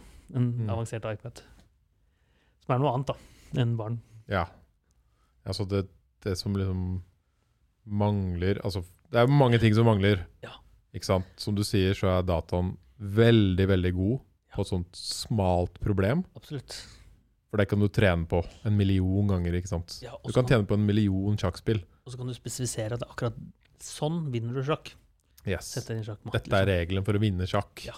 Og sånn kommer du som en vinner. Ja. Og så kan den stå og spille mot seg selv en million ganger, og spille mot analysere alle sjakkspill i verden. Men den kan ikke plutselig stoppe og ta en samtale med motstanderen sin, Ja, ja. som sitter der. Eller, eller nå vil jeg gjerne spille noe annet. Nå vil jeg spille Monopol, liksom. Det, Ja. det, kan, det vil ikke den Og så lære seg monopol sånn, basert på dialog og Nei, for da må, den- da må noen eh, Og det er, det er jo eh, kunstig intelligens som spiller Monopol også, men noen må liksom fortelle den det. mm. Den har ikke noe ønske eller noe lyst til å spille Monopol. Den blir ikke lei av å spille sjakk, liksom. kan ikke si noe jeg er drittlei av sjakk. Nei, jeg tipper Magnus Carlsen av og til har vært det. ikke sant? Og Ja. når jeg spiller poker eller noe sånt som han også spiller, tror jeg.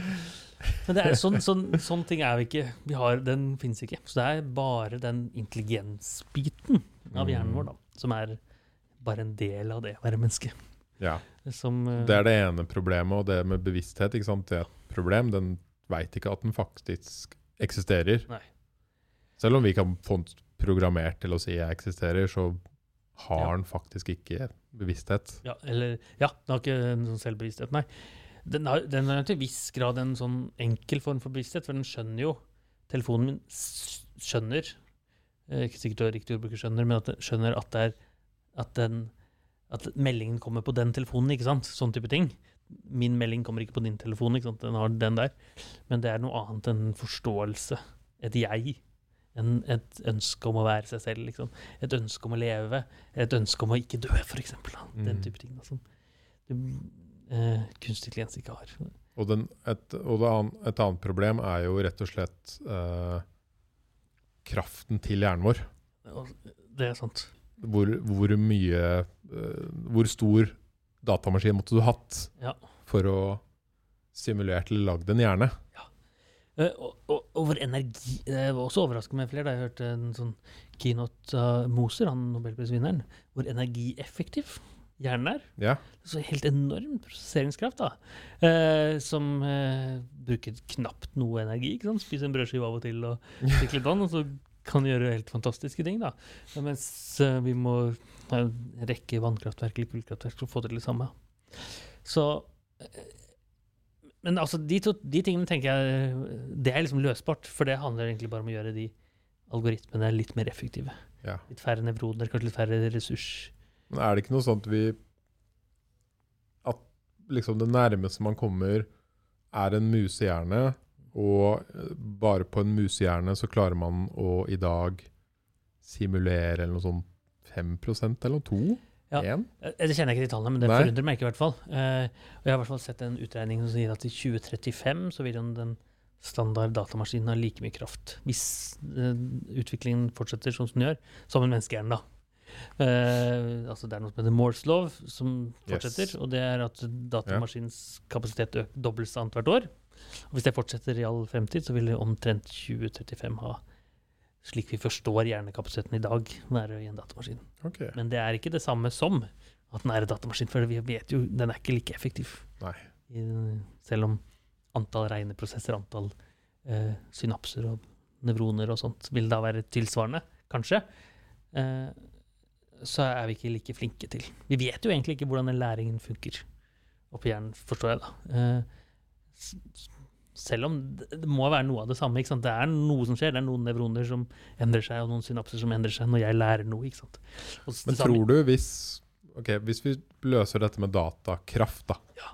Hvis vi løser det Ja, ja. i 2035, ja det, det løser vi helt. så har vi løst Ja, Da, da kan vi lage en uh, maskin som er like sterk som hjernen. Ja, og det er ikke noe vanskelig, for det kan du gjøre egentlig i dag òg. Bare trenger man Internett har jo det, ikke sant? Masse data kommer sammen. Men du klarer ikke å putte alt det inn i en robot? Nei, nei, det kan det godt hende. Ja. Men det kunne man jo gjort i, i prinsippet, da. I prinsippet, ja. Ja. Men Ville man da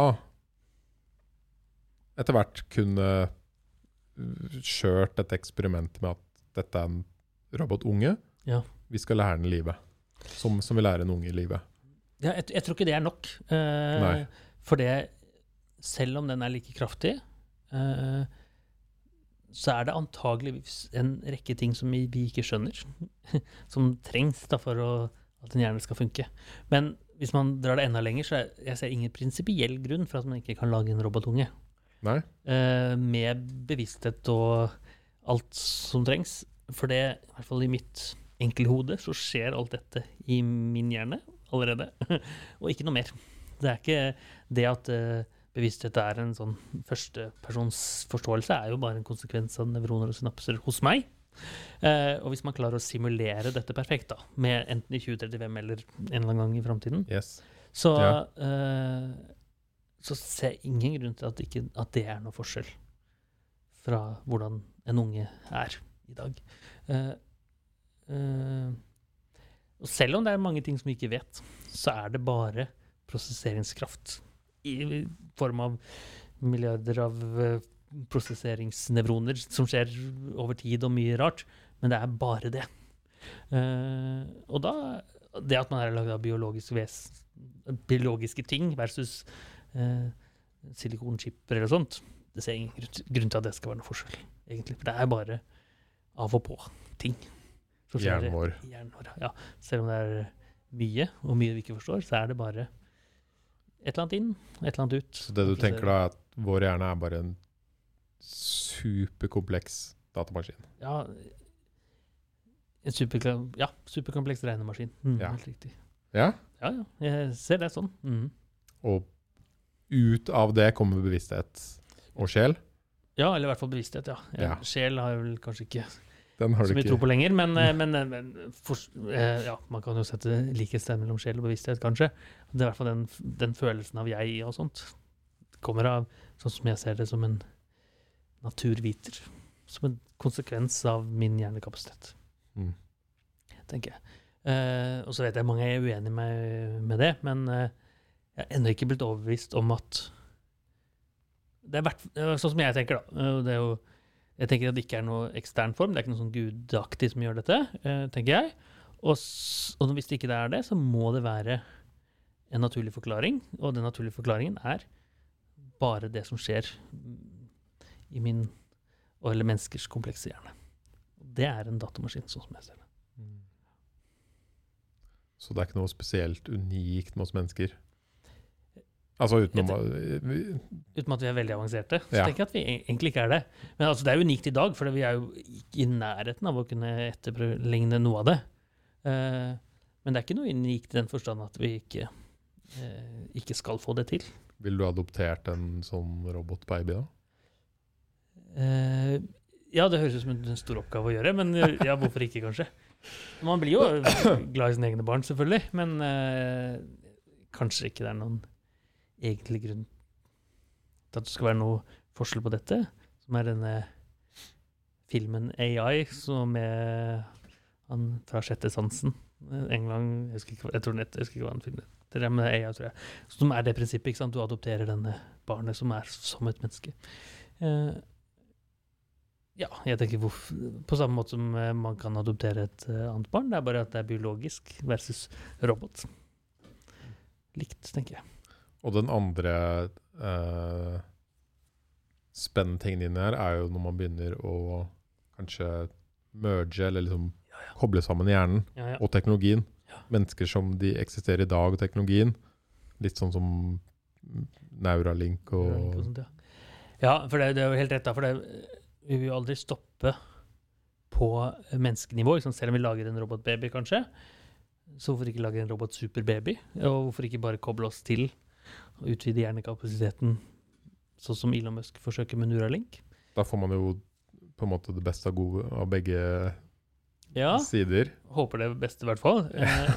Eh, eh, Kanskje. Så vi må håpe det, i hvert fall. Eh, Så Neuralink er sånn det kobler seg til Og det er mange andre som ligner på Neuralink også, som kobler seg til uh, nevronene i hjernen. Og i første omgang skal hjelpe slagpasienter og andre sånn til å få igjen deler av hjernen som er slått ut. Men på sikt så hevder han, i hvert fall uh, Musk, at han skal øke hjernekapasiteten, få en Wikipedia rett inn i hjernen. ikke sant? Og det virker tilforlatelig. Det er mange ganger jeg har glemt et eller annet og må finne fram telefonen for å søke. Men det er jo det store ulempen er jo at dette, da får du en kontroll av disse tech-gigantene på et helt annet nivå enn du har i dag. Ikke sånn, Hvis jeg får pusha Tesla-reklame rett inn i hjernen, så er det Sprøyta rett inn i huet. Ja, ja. ja, ja. Hvis ikke du betaler et eller annet, så får du enda mer. Ah, det er Så som det Black Mirror-episoder som Ordentlig Black Mirror, ja. Ja. Så må du, Neuralink må også lades, da, så du må legge hodet ditt til en sånn lademaskin. det er ikke bare telefonen og klokka du må lade nå, men er det hjernen. Uh, men et, i den type uh, Android-mennesker eh, Eller tanken å tenke at vi blir forbedrer oss selv. Vi utvikler teknologi til å bli et bedre menneske eller får bedre liv. Uh, enten det er å bli kvitt sykdommer eller forbedre oss på en eller annen måte. Uh, ser ut som nesten bare positivt, altså. Ja. Ja. Har du sett han Jeg tror dokumentaren heter Cyborg-menneske? Cyborg Man? Nei, det har jeg ikke sett. Hva, hva Det er, handler om en mann som får ME, tror jeg. Ja. Jeg tror det er ME. Og så sier legene du har to år igjen av livet, ja. og i løpet av de to årene kommer én etter én del av kroppen din til å svikte. Step by step. Ja. En etter en. Ja, det er helt forferdelig. Altså, det er liksom no, en av de verste meldingene du kan få. Han er sikkert sånn 45 eller 40 Ja, ja. eller noe. Og så sier han bare nei. Jeg skal bruke all teknologi og alle mine penger og nettverk og sånn for å unngå at det skjer. Og det er det dokumentaren handler om. Og den er ganske stilig, for det er sånn uh, Den viser jo det vi snakker om nå Ja, ja. begynnelsen av det, og det er det som er poenget med den dokumentaren nå, er at det liksom, ok, først, og jeg husker ikke helt rekkefølgen her, men først mister han muligheten for å gå. Ok, det kan du uh, ordne med en, med en rullestol som du kan styre, ikke sant? Mm. Men han vil jo ikke bare sitte i rullestol, han vil også stå. Mm. Så de lager en stol hvor han kan stå, som heiser han opp. Og så begynner eh, spisesystemet hans å svikte. Ok, de Mhm. fester på et nytt spisesystem, opererer inn det, Ja, ja. så han kan bare bli mata av en robot, basically. Og så, eh, ikke sant, én etter én sånn organ begynner å svikte. da. Og så kommer man, og det er det her du snakka om i stad, hvor mye skal maskinen kontrollere? Ja, ja. For det er helt og det, han, det er helt syk når de sier det i dokumentaren. For der sier de at øh, han begynner å miste muligheten for å snakke. Og han sa 'jeg har ikke tenkt over det før, men det kommer kanskje til å være det verste jeg mister'. Jeg. Eh, og så sier de men vi bruker uh, teknologien vi brukte på Stephen Hawking. Forskjellen er at den teknologien ble lagd for 20 år siden, eller noe Ja. sånt. Det har skjedd veldig mye med den Ja, ja. siden Stephen Hawking brukte den. Så nå kan vi også putte på maskinlæring og AI, eller kunstig intelligens. Og så står, står de forskerne og ser den i øya, så sier de Men hvor mye skal du kontrollere, Mm. og hvor mye skal maskinen kontrollere? Og det beste eksempelet de sier der, er eh, hvor mye av ordene vil du at maskinen skal auto-utfylle? Skal den fylle ut en hel setning? Mm. Skal den fylle ut et ord? Skal den liksom fylle ut en og en bokstav? Mm. Det er den kontrollen du selv kan velge nå. Og da begynner de å snakke om liksom, hvor mye kontrollerer egentlig maskinen for Ja. dette mennesket. ja, og det er spennende. Jeg, og jeg tenker jo Jeg tror jeg ville, Hvis jeg hadde fått en så forferdelig diagnose, så ville jeg kanskje forsøkt det samme. ikke sant? Jeg ser jo ikke noen prinsipiell grunn til at jeg skal ha det spiserøret jeg har i dag, eller de beina jeg har i dag. Eh, kanskje utenom tankene og ideene og sånn som jeg ønsker skal være mine, da. Eh, men ja, man kan også spørre seg sånn, når når er han seg selv? ikke sant? Hvis, ut, eh, hvis jeg bytter ut beinet mitt med en robotbein, så er jeg fremdeles meg selv. Ingen som vil påstå at jeg er litt mindre meg selv. Mens hvis jeg begynner å bytte ut eh, nerveceller i hjernen, kanskje jeg er liksom i ferd med å bli eh, Det det en halvveis robot som mister kontrollen. Eh, men hvis man klarer å gjøre det helt perfekt? Det er et tankeeksperiment som er ganske gammelt. Jeg husker ikke hvilken filosof som kom med det. Men hvis du bare bytter ut én og én av nervecellene i hjernen, nevronen i hjernen, så når er du da ikke lenger Og alt er perfekt. Helt perfekt. Det funker som hvilken som helst annet nevron. Eh, Når er du da ikke lenger deg selv? Er det liksom ved første nevron du bytter ut, eller er det ved siste? Eller er det liksom halvveis uti der, eller hva er det? Og svaret er at det er ikke noe godt, det er ikke noe godt skille. Ikke sant? Når er vi, når er vi oss selv, og når er vi en robot?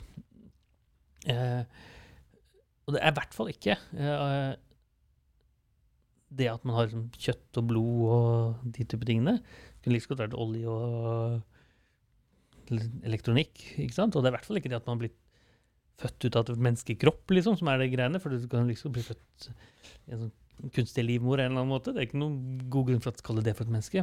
Så hva er det som egentlig er skillet, da? og det, vet, Yes. det er ikke noe godt svar på, sånn som jeg ser det. Eh, og da, Jeg hadde jo en på podkasten her som var en av verdens mest transplanterte mann. Ja. Og han hadde jo hørt hele livet at øh, øh, Han har vært kjempesyk hele livet og alltid hørt du har så sterkt hjerte. Ja, ja, ja.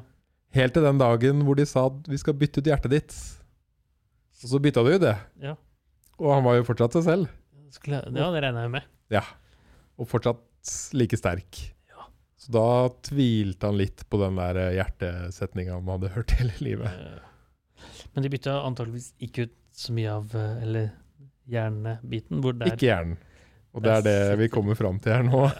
Så ja, så kunne man jo sett for seg at det, det er i hvert fall det viktigste vi Eller my, noe av det viktigste vi tenker på i dag som mennesker. ikke sant? Det er hvordan vi tenker, hvordan vi føler, hvordan vi har det.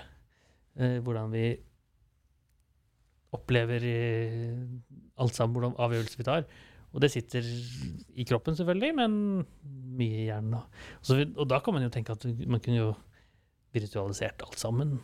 Flytta seg over i en androide, hvis den er perfekt nok, da. Ja. Mm. Altså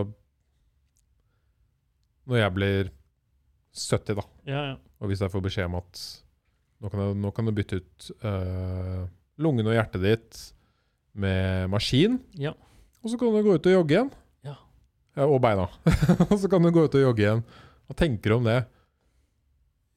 Nå er jeg veldig teknologioptimist òg, da, men jeg hadde jo sagt ja med en gang. Og syntes det hadde vært veldig gøy å prøve. Mhm. Ja, det tror jeg også hadde gjort, da, gitt Ja. at jeg ikke får så mye konsekvenser av det på andre måter. Ja. Så hvis man, øh, hvis man har Og det, folk gjør det hele tiden. Altså, mange, knær er liksom det vanligste eksempelet. Man får kunstige knær. eh, og man tenker ikke noe særlig mer over det. Men øh, Og da er man jo øh, transhumanistverden, ikke sant? Vi er liksom i ferd med å forbedre oss selv. Og bli bedre mennesker ved hjelp av teknologi. Og vi gjør det egentlig hele tiden allerede. I hvert fall hvis man bruker telefonen riktig, så er det liksom en del av kompetanseområdet. ikke sant? Det er som, eller alle mennesker er liksom gode, til å finne informasjon på alt mulig rart i dag via telefonen. Liksom bortenfor telefonen her et par timer, så er det nesten som en del av meg ikke er her. ikke sant? For jeg har lyst til å sånn google noen av de spørsmålene du egentlig har. da. Det er sånn, øh, en kroppsdel som bare henger utenpå kroppen foreløpig. Det er nesten bare det. ja. Ja. Og da, om man kunne dytte det inn eh, Det har noen konsekvenser som ikke er så bra der, men man kunne jo dytta det kortere inn, eh, nærmere hjernen, da. Som Nuralink egentlig tenker, da. Jeg ville jo ikke hatt en sånn eh, push-varsler og alt dette her som oh, kommer eh, der, men Sitter på hytta foran bålet, og så bare pling! Ja, så bare Du må kjøpe truser. Ja, ja, ja. Ja, det, ja, det er jo, det er jo den oh, dumme siden av kunstig intelligens. Ikke sant? Det er den derre persontilpasset reklame som er liksom helt eh, Som er liksom som en person som bare sitter sånn Hei, følg med! Ja. Eh, kjøp eh, tilbud på klær eller whatever, ikke sant. Eh, men det er jo det kunstig intelligens er god på. Liksom, Persontilpassa reklame og makse det ut for deg. Hvis vi da heller, heller kunne brukt litt av den kapasiteten på medisin eller biologi eller eh, noe sånt, så er jo god bruk av ressurs, da. Veldig. Ja, jeg håper jo også en prosent av alt det som skjer, blir brukt på de gode tingene òg, i framtiden. det. Det regner jeg med, og du jobber jo innenfor forskningen, så du ser jo sikkert mye av det her som skjer. Som du sier med helsedata, f.eks. Ja, ja. Ja, ja, og, og, nå tenker jeg jo ikke at disse tech-gigantene er noen slemminger, egentlig, for de gjør veldig veldig mye bra. Du gjør ikke det?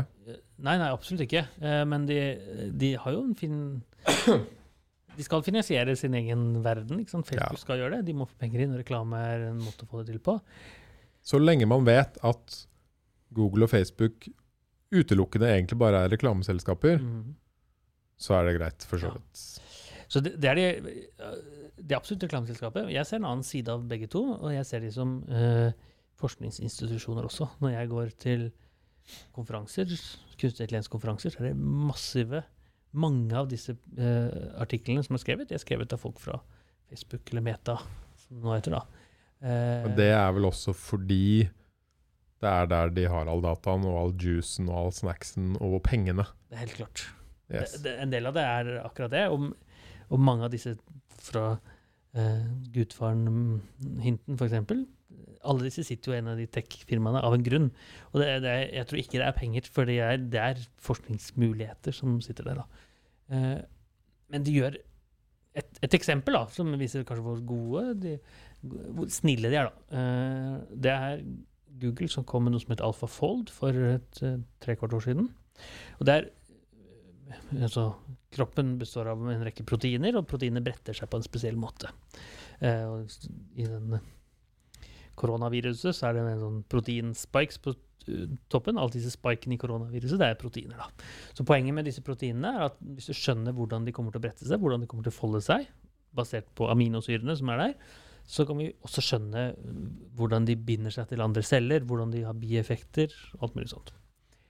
Eh, en del av fysikkens verden har eh, fokusert på teknikker for å gjette seg fram til, eller predikere hvordan disse, bretter, disse proteinene bretter seg, for da kan man skjønne hvordan medisinen f.eks. funker. Eller hvordan plast bryter seg ned, og sånn det kan gjøres med proteiner. Så det som skjedde for tre trekvart år siden, er at eh, Google heiv på kunstig intelligens på toppen av disse. Disse dype nevralnettverkene ligner på de som kjenner igjen bilder osv. Og, så og da utkonkurrerte alle andre typer teknikker. Før så fikk man en nobelpris alene for å liksom predikere en protein. Nå er det automatisert med kunstig Mm. intelligens. Et par måneder senere så var koden også tilgjengelig på internett for alle. En forskningsgruppe som jeg, jeg gjorde det ikke selv, men en gruppe som heter NORA, eh, som er kunstintelligensgruppene intelligens-gruppene samlet i Norge, gjenskapte prosjektet og kan kjøre det hos oss selv. Da. Så hvis Google har sagt at dette er bare for finansielle årsaker, vi skal ha det, vi skal styre fremtidens medisin, vi skal styre fremtidens eh, bionedbryting alt sånt, eh, så kunne de gjort det. De kunne sagt her er det vår kode, vi kjører det, men av en eller annen grunn så åpner de opp for dette. Og da får the good of the world, tenker jeg. Eh, så kan man, det, De har sikkert noen baktanke med det, men allikevel. Eh, og de skal tjene sine penger, Ja. men de har en, nærmest alltid Det er det som er så vanskelig å si. Det er klart det. Ja. Men de er jo en del, selvfølgelig er det en del av uh, kapitalismen. ikke sant? Og hvis ikke noen funder de, hvis ikke de får penger på en eller annen måte. Og så er altså Den beste måten å få penger på har vist seg å være å pushe reklame til det kjedsommelige og til det helt utrolig dårlige. Men jeg Det som, er, det som er rart for meg inni alt det der, er at uh, det virker ofte som det er en diskusjon om om f.eks. Facebook da, skulle vært en tjeneste du betalte for. Ja, ja. Men det jeg ikke skjønner, er hvorfor er det ikke en tjeneste man kunne valgt å betale for? Ja. Så du kunne gjort begge deler. Så, ja, så mot å ikke ha Ja, reklame. Du kan ha gratis Facebook her, Ja, ja. og den, er, eh, den har reklame, og den, da deler du all data. Mhm. Alt sammen er liksom Du er Facebook-ho. Alt må inn. Eller så betaler du eh, 99 kroner måneden, Ja. og så samler vi minimalt med data om deg, og så får du ikke noe reklame. Mhm. Da hadde de jo fort funnet ut om folk ville betalt for tjenesten. ja. Men jeg tror, ja, det, det kunne sikkert gjort det. men Jeg tenker at de Jeg tror det er mye mer verdifullt for Facebook at du gir fra deg dataen deres, er akkurat det det er. enn det er av de 99 kronene du egentlig eventuelt gir fra deg. Jeg- Det er sykt å tenke på. Ja. Jeg- Ja, og hva, men det er jo ikke altså, Hvis du tar Facebook som eksempel, det er ikke så mye der, men det, det er jo den reelen og alt dette her som er kunstig intelligensbasert. Så hvis du da plutselig ikke gir fra deg data lenger, så vil ikke de funke på samme måte. Det er jo den der, eh, det er ikke bare reklamen, det er liksom hvilke videoer som kommer opp, Mm. enten på Instagram eller Facebook eller andre steder, som er basert på kunstig intelligens. Og, eh, så det er liksom datadrevet. Da. Det er jo en oppmerksomhetsøkonomi, og eh, dataene våre er jo Gull. mange- det er gull. Jeg, mange sier ny oljen. Jeg tenker på det mye mer som den nye valutaen. Vi betaler med data til Facebook, og så bruker de det, og så selger reklame til oss, og så får de penger for det. Og det er den eh, datavalutaen da, som eh, ikke er skattelagt på noen måte. og som eh, vi kunne ordna på en bedre måte Ja. enn å gi det til teknologi. Forhåpentligvis i framtiden. Og, og det er i ferd med å skje, egentlig, for det er lovgivning, både, en lovgivning som heter GDPR, som eh, personvernsforordningen heter den på norsk, som handler om personsensitive data. Eh, som er at når Facebook eller andre eh, i Europa samler data, så skal de eh, samle så lite data som mulig. Eh, og- skal eh, Og jeg skal kunne slette meg fra Facebook eller fra Google. Hvis Google har indeksert en eller annen side om meg, så kan jeg fortelle Google at nå skal jeg bli sletta for den hvis jeg vil. Ehm, og det følger de til en viss grad, og så er det noen krangling nå, ikke sant? Akkurat I disse dager så har sagt Facebook sagt at eh, vi eh, Europa er for strenge, vi skal kanskje kutte ut Facebook. Ja, Vi får se hvordan det skjer da. ja. jeg, jeg, jeg, de kommer aldri til å gjøre det, for det Altså, folk er kanskje avhengig av Facebook, men så himla avhengig er man ikke. Man klarer seg uten Facebook et par dager. Facebook er mer avhengig av oss. Ja, det tror jeg også. Ja. Det tror jeg er helt, helt enig i. Eh, og, og hvis folk finner ut at nå har det vært to uker uten Facebook og Insta, så går det greit uansett. Så Ja. tror jeg Facebook har tapt. Det som er kult innen verden, tech-gigantverden nå, er jo det Apple gjorde.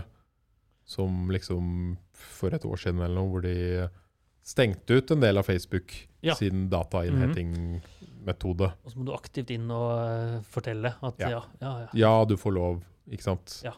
Som var et veldig bra move av Apple. Så, som, sant, hver gang du går inn og har fått en ny app nå, så må du faktisk og, gi den tilgang. Jeg er helt enig. Og så er- og så- jeg er helt enig at det var veldig veldig bra, og, men en del av det er jo at det da struper Apple Facebook. Og det er en kul krig å følge Ja, med ja, det er kult, det. men, men det er jo det er jo der personvern bør være. ikke sant? Det bør være mitt, mitt valg. Ja. Jeg bør ha et valg om å gi fra meg data til Facebook eller smittestopp eller whatever det er. ikke sant? Og spesielt noe som sikkert gjorde folk litt mer våkne, er jo i den Apple-greia, så står det i hvert fall Jeg vil dele data når jeg bruker appen. Ja, ja, ja. Ikke når den ligger bak, ja. Ja. Mm ja. Ja, det er jo et godt poeng, da, selvfølgelig, for det er mye lett Ja, ja. Når jeg legger jeg brukte Google Max for å komme hit. ikke sant? Ga jeg fram masse data til Google på veien, og så spør den type hvor, eh, hvor full var T-banen. ikke sant? Så da er det kunstig intelligens som gjør det. Men akkurat nå, når jeg sitter her, her inne, så er det jo ikke, er ikke det av min interesse at Google skal drive og samle data om meg, da. Så det er jeg helt enig i. Eh, Mm. Og det tapte jo Facebook, og hva de sa? Det var jo det han eh, Zuckerberg har grinet for de siste ukene. At de tapte er det det, ja? De gikk Ja, ja. ned Hvor mange milliarder dollar? De gikk ned liksom to eller tre hakk fra å være verdens rikeste selskap. Okay. Nå er Nvidia over dem. Nvidia, som Ja. lager som- Skjermkort. Og, Ja. og trening, og chipene som vi trener kunstig intelligens på. For det er Nvidia-chipper. Så ja, ja, men, men ja, for det bedre, tenker jeg. For det er jo eh, datavalutaen de har blitt strupa på. Ja. Mm. Absolutt. Jeg kan godt dele litt når jeg er inne på appen. Ikke at de står og suger inn for meg når jeg tusler rundt. Og... Men nå har jeg på flymodus, så nå har jo sikkert de helt noia. Nå har de panikk, vet du. Ja. Men det kan hende de finner ut at nå er det to stykker på flymodus i nærheten av hverandre, som kanskje er et tegn på et eller annet. Eh, ja, men det er uh, Ja, da, og det, der er det Verden er i ferd med å gå den veien, tenker jeg, og det er bra. At vi får mer forståelse av personvernsdataene. For det, er, det var det ikke for noen år siden. Uh, og det kan vi jo takke Facebook og sånn for, at vi har forstått hvor god den dataen vi egentlig gir fra oss hele tiden er. da. Mhm. Eh, både, jeg ser både Facebook og, eh, og Google, som er de store, er aktive forskere. Gjør enormt mye forskning som de deler med verden. Også bibliotekene som vi bruker som programmerere. når vi programmerer det, er åpent gitt av disse. Treningsmodellen er åpent gitt også. Eh, eh, Det er sånn de kjøper goodwill hos dere Ja, forskere, vet du. Også, men så er jo da eh, Så jeg Jeg tror jeg meldte meg inn i Facebook i 2014 eller 15, noe sånt noe. Eh, for det, i begynnelsen så leste jeg den personvernssaken du må signere helt i begynnelsen. Og tenkte jeg dette her orker jeg ikke å være med på. De samler.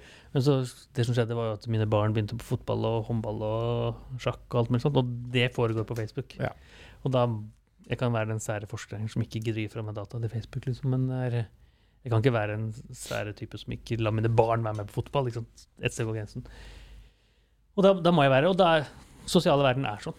eh, at jeg kommer meg ikke utenom. Men jeg er veldig bevisst på hva jeg deler. Jeg deler aldri noe personlig. Jeg deler alltid uh, type foredrag jeg har vært på, vitenskapelige artikler og sånt som promoterer meg selv. Og det Mm. tenker jeg. Aldri, jeg, har jeg har ikke fortalt Facebook at jeg har, uh, har barn og kone, f.eks. Og kona er det samme. Da. Det veit jeg allerede uansett. Det kan godt hende. Men jeg har eksempler hvor kona får sånn tilbud om uh, kunstig befruktningsreklame, ikke sant? For det du sikkert aldri har fortalt at, de har, eh, at vi har barn. Er jo Jeg hørte en syk podkast om en sånn eh, personvernsforsker Ja. om Facebook og Google. Og han spurte hva med de som ikke har lagd Facebook-profil noen gang? ja, Og så bare lo han, han forskeren, og sa Facebook har en profil på dem. ja, det, Ja.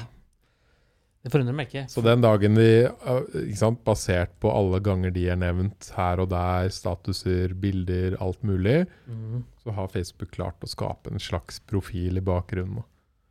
Den dagen de melder seg inn, så er Facebook klar. Ja. ja, det er ikke overraskende i hvert fall. Eh, For det er det de lever av. De lever av å forstå oss og få data fra oss. Og individualisere med kunstig intelligens. Mm. Tror du Siste spørsmål før jeg må på do, og før vi kan avslutte. Ja, ja, ja. Men basert på de tingene vi har snakka om i dag, tror du liksom første menneske er født nå som kommer til å leve i 200 år? ja det, om, Eller i hvert fall veldig lenge. Ja, Det tror jeg helt sikkert. Uh, Basert på at man kan bytte ut kroppsdeler og øh, bedre forstå perso personifisere helsen sin og Jeg tror det kommer massiv endring i den, i den eh, både i helse og mye annet eh, i løpet av de neste 100 årene. Ikke bare fordi vi får bedre forståelse av kroppen, men eh, bioteknologi, kunstig intelligens, forstår, er liksom sånn teknologier som er vi bare ser liksom begynnelsen av, men som allikevel er, vi er helt sikre på er helt enormt eh, gode. Og grunnen til at vi dør, eh, er mange grunner, men en av det er sykdom. ikke sant? Å forstå sykdom tidlig. Forstå detaljene av sykdommer. Og, og i hvert fall den biten tror jeg kunstig intelligens skal være veldig veldig, veldig god på. Oppdage sykdom tidlig, oppdage problemer. Kanskje du har noen sensor i toalettet eller whatever, ikke sant? som oppdager så tidlig som du bare kan at man uh, har en eller annen utfordring, og får løst problemet før det blir alvorlig. Uh, Om folk kommer til å leve til 200 år?